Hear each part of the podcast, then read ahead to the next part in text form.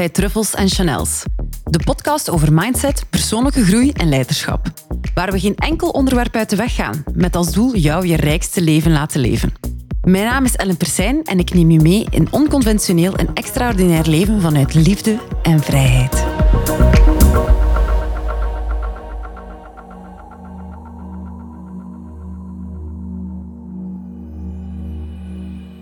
Een van mijn principes die ik constant gebruik in al mijn coachings, bij al mijn één op één en al mijn groepstrajecten voor de Hands-on Academy ook.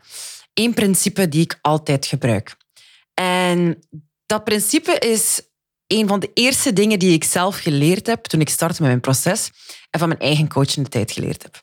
En dat principe gaat over het reptielenbrein. Dus we hebben ons hersenen en ons hersenen zijn eigenlijk verdeeld in drie delen. En één deel daarvan noemen we het reptielenbrein. En dat stukje brein is een van de oudste stukjes brein in onze hersenen. Dat werd gevormd nog voor we de moderne mens waren. Eigenlijk toen, nog, toen we nog rondtrokken, toen we nog Neandertaler waren en minder ontwikkeld, was dat stukje brein er al. Wat is dat reptielenbrein nu eigenlijk? Dat is het kleine stukje brein dat eigenlijk zorgt voor onze overleving. Dat stukje brein gaat eigenlijk heel veel, heel veel lichamelijke functies gaan ondersteunen en begeleiden, zoals onze hartslag, onze ademhaling, onze verteringsstelsels, maar ook voor de fight, flight en freeze. Dat zijn eigenlijk de toestanden waar we ons lichaam of waar ons lichaam ons zich inplaatst bij bepaalde gebeurtenissen. Fight, flight or freeze zijn eigenlijk drie systemen die ervoor zorgen dat we in veiligheid zullen blijven. Dus je zal misschien zelf al ooit meegemaakt hebben je krijgt een bepaald stukje nieuws of je staat voor een opdracht, je moet het gaan doen en je bevriest gewoon. Weet dan dat dat het stukje brein is die daarvoor zorgt. Dus dat stukje brein wil niet liever dan dat jij overleeft. Het gaat puur om overleven. Het gaat niet over thriven, het gaat niet over genieten, het gaat niet over groei. Het gaat echt puur over overleven. Dus wat dat stukje brein in principe wil doen, is jou zo comfortabel mogelijk van jouw geboortekrib naar jouw doodskist brengen. En I know it sounds a bit luguber, maar dat is wel de realiteit. Dus dat stukje brein gaat ervoor zorgen dat als je een nieuwe uitdaging wilt aangaan, dat die uitdaging heel groot of heel eng lijkt. Dat je angst ontwikkelt en dat er heel veel verhalen komen bij een groeistap die we gaan zetten. Dat kan bijvoorbeeld zijn van een beslissing te nemen om in coaching te gaan. Of dat kan zijn om een grote investering te maken. Of dat kan zijn, ja, ik wil bijvoorbeeld stoppen met mijn job. Als je dat ooit uh, die, voor die keuze gestaan hebt. Dat daar zal wel wat paniek bijgekomen zijn. En die paniek is eigenlijk oorspronkelijk afkomstig van ons reptielenbrein. Dus dat reptielenbrein noemen we eigenlijk ook wel dat stemmetje in ons hoofd. En waarom zeg ik dat stemmetje in ons hoofd? Dat een stukje reptielenbrein maakt verhalen en het praat tegen jou. En het geeft jou allemaal heel, heel, heel logische redenen om iets wel of niet te doen. Bijvoorbeeld, als je voor jezelf hebt gekozen, ik ga vanaf nu iedere ochtend om zeven uur sta ik op en ik ga voor mijn werkdag beginnen, ga ik gaan lopen.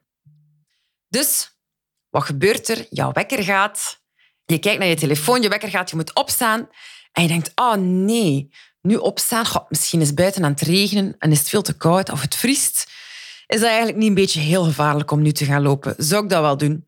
En wat gebeurt er misschien of misschien niet? Je gaat gaan snoezen.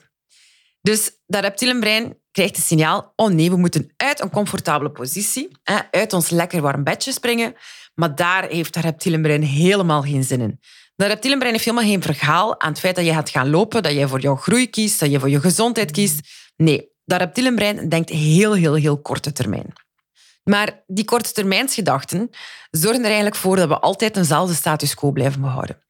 Dus weet vanaf nu dat dat stemmetje in je hoofd effectief iets is die jou wil tegenhouden om te groeien. Naarmate dat wij als mens verder evolueerden, is onze cognitieve capaciteit ook vergroot en hebben we andere ja, andere wensen en, en dingen te vervulling gehad. Hè. Dat stukje reptielenbrein is ontstaan toen de omstandigheden hier op de wereld nog heel bar waren. Dus dan was er wel gewoon een nood en gewoon heel veel comfort. Heel veel comfort, heel veel calorieën innemen, zo warm mogelijk blijven, zo weinig mogelijk bewegen, zo weinig mogelijk energie verliezen. Of je overleefde gewoon de dag niet. Nu, de dag van vandaag, onze wereld ziet er helemaal anders uit. Er is een overvloed aan alles. We hebben overvloed aan voedsel, aan beschutting, aan bescherming. En eigenlijk kan er ons niet zo heel veel meer overkomen. Maar dat stukje reptielenbrein is daar niet uit mee geëvolueerd. Wat gaat er dan voor zorgen dat als wij als hedendaagse mens bepaalde beslissingen willen nemen voor onze groei, gaat dat stukje brein ons eigenlijk willen tegenhouden. Door verhalen te gaan creëren van waarom dat eigenlijk echt geen goed idee is om een bepaalde investering te doen, om om zeven uur uit je bed te komen om te gaan lopen, om een douche te nemen en af te sluiten met koud water. Ehm, alles dat eigenlijk discomfort veroorzaakt, veroorzaakt heel vaak ook groei. Maar dat stukje brein is niet bezig met groei. Dat stukje brein is gewoon bezig met overleven. Nu, ons moderne brein, ons moderne mens zijn, omdat er overvloed is aan alles en dat er eigenlijk niet meer moet geknocht worden voor survival, uh, in de letterlijke zin, daardoor gaat ons ziel meer nodig hebben. Want we hebben eigenlijk de luxe nu en het comfort om te denken aan onze zielsvervulling, om te denken aan uh, groei en, ons, en doen wat ons gelukkig maakt. En denken aan echt hoe we zo rijk mogelijk kunnen leven. En als ik praat over rijk mogelijk leven, of zo rijk mogelijk leven liever, dan wil ik dat je heel goed onthoudt dat rijk niet enkel over monetaire kwesties gaat. rijk leven gaat over je vervuld voelen en je gelukkig voelen en in rust kunnen blijven in bepaalde situaties en niet van kastje naar de muur getrokken worden emotioneel als er dingen buitenom jou gebeuren. Dus dat je eigenlijk minder en minder reactief wordt. Dat stukje reptielenbrein is ook heel reactief. Er gebeurt iets en je krijgt bijvoorbeeld een paniekaanval. Dit kan een patroon zijn die in je reptielenbrein zit geankerd. Ehm, tijdens mijn sessies en tijdens mijn coachings, dat is exact waar we naar gaan zoeken. Stel je voor dat bijvoorbeeld je hebt angst van spinnen en je ziet ergens op je muur in de verte, op toch drie meter afstand, je ziet een spin zitten. Jouw initiële reactie gaat sowieso die zijn. Je houdt even je adem in en je gaat even gaan verstijven. Dat is een patroon. Want jij weet uiteindelijk wel dat die spin jou niet gaat opeten, niet gaat vermoorden, niet gaat kwaad doen. Maar er is ergens een systeem in jou die een impuls ziet en daar onmiddellijk een reactie op geeft. Dus het voordeel van de spin kunnen we op heel veel, veel dingen terug gaan plakken. Bijvoorbeeld over geld uitgeven, een investering maken, over groeikeuzes maken. Als jij inherent in jouzelf angst hebt om groeikeuzes te maken, en dat is een patroon, dan kan dit iets zijn die jou heel klein houdt en die jou belemmert om eigenlijk de volledige waarde aan te nemen die je kan aannemen hier in het leven. En dat is verdorie zo, zo, zo zonde. Ik zeg altijd tegen mijn cliënten, de grootste pijn die je kunt lijden, is weten wat je wil en weten dat het kan, maar het toch niet doen. Soms weten van, ah, dat is mijn droom, dat wil ik, daar wil ik naartoe, zo zie ik het al bijna voor mij, maar iets in jou belemmert je constant om daar naartoe te wandelen. Belemmert je constant om toch die kans te gaan grijpen of om die keuze te gaan maken of om dat risico te nemen om echt die groeisprong te gaan maken. Als dit een patroon is, dan ga je zien dat op de lange termijn dat dat heel zwaar kan worden. Want je weet dat het kan en toch is er iets die ervoor zorgt dat je het niet doet. Dit kan ook perfect een patroon zijn van je reptielenbrein. Of gewoon een angstpatroon in jezelf die constant in herhaling valt, om jezelf zogezegd veilig te houden. Maar die veiligheid is eigenlijk niet meer dan een valse veiligheid. Je hebt me misschien al horen zeggen in uh, een van mijn filmpjes van Your comfort zone is the place where dreams come to die. En dat is echt de realiteit. Als jij constant in die comfortzone blijft hangen en uh, je wordt constant tegengehouden door patronen die in gang gezet worden omdat je ooit ergens een angst hebt opgelopen, dan, dan sterven je dromen af.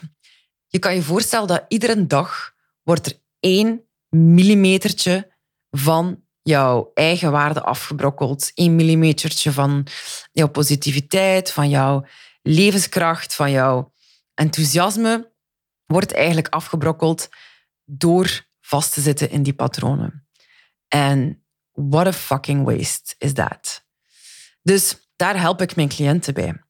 Om te ontdekken waar die patronen zitten bij jou en om te gaan zien hoe we dat patroon er kunnen uithalen en vervangen door een nieuw patroon die wel werkt. Een patroon die jou gaat helpen groeien. Een patroon die mee gaat veren met wat je wel wilt. Die jou stap voor stap naar die droom gaat brengen die je hebt. Want hè, er is een gezegde van Bob Proctor. En Bob Proctor zegt, if you can hold it in your head, you can hold it in your hand. Dus als jij het maar kan zien en als jij dan de stappen kan zetten die nodig zijn om er effectief naartoe te wandelen, dan kan je gewoon alles bereiken. Er is geen eindigheid. Alles is oneindig. Je kan eigenlijk alles doen wat je wil doen.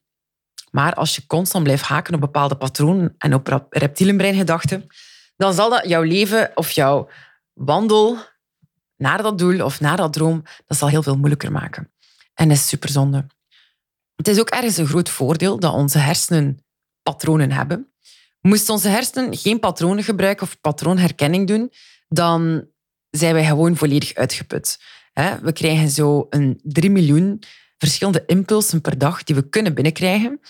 Daarvan wordt er een heel stuk weggelaten, omdat ons brein gewoon niet in staat is om alles, alles uh, op te nemen. We zouden anders brain fried zijn. En een deel daarvan is ook bijvoorbeeld een patroon van er is iets gebeurd, ik heb een angst rond ontwikkeld en dat hou je vast. En dat kan je vasthouden, je kan daar bewust van zijn, maar heel vaak zit dat gewoon in de onbewuste laag. En het nadeel daarvan is, als je niet bewust bent, niet bewust bent van wat jou tegenhoudt, kan je er ook niets aan gaan doen. Daarom is het handig om met iemand samen te zitten, om met iemand te werken die de dingen ziet die jij nog niet ziet. Maar voor jou is het een gewoonte. Jij staat erin. Bij jou is het niet meer dan een herhaling, een patroon die gewoon normaal is voor jou, waardoor dat je het eigenlijk helemaal niet opmerkt. Wat ik doe met cliënten is gaan zien wat zij nog niet kunnen zien. En gaan spiegelen en benoemen um, wat ik zie in patroonherhaling. een keer dat dat boven tafel komt, wanneer het onbewust bewust wordt, dan kan je eigenlijk eraan gaan werken. En heel vaak, bij heel veel dingen, is bewustwording soms zelfs al genoeg. Moet je niet echt actief heel hard of heel secuur iets gaan doen om dat op te lossen of om dat ja, te overkomen. Hè? To overcome it, zeg maar. Maar het gewoon weten dat het er is, is soms voor veel mensen al signaal genoeg of uh, kennis genoeg om daar in de toekomst helemaal anders mee om te gaan. Dus het zit niet altijd in de grootste dingen en over hete kolen lopen en uit uh, vliegmachines springen. Dat hoeft niet altijd.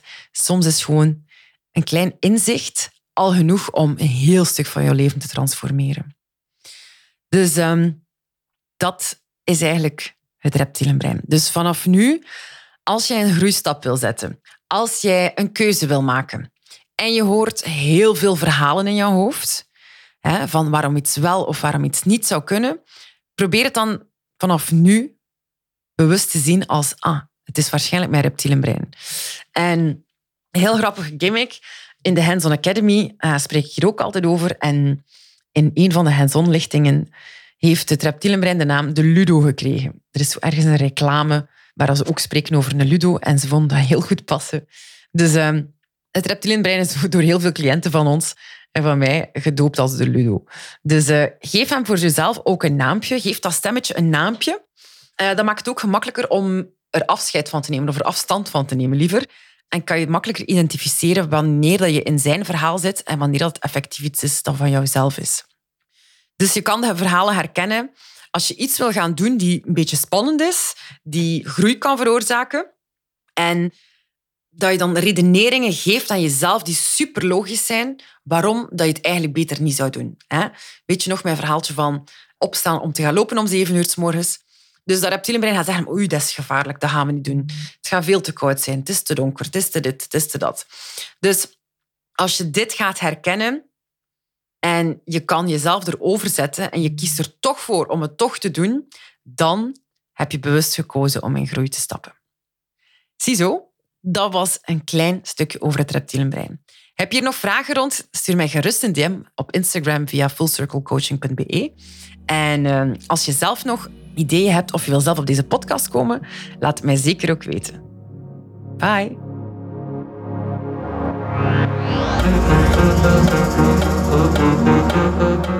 Ik ben Ellen Persijn en je luisterde naar Truffles en Chanels, de podcast. Mocht je dat nog niet gedaan hebben, ga dan naar je podcast-app en subscribe op deze podcast. Vond je het waardevol? Vergeet zeker geen like, rating of review na te laten. Ik zie je graag bij een volgende keer terug bij Truffles en Chanels.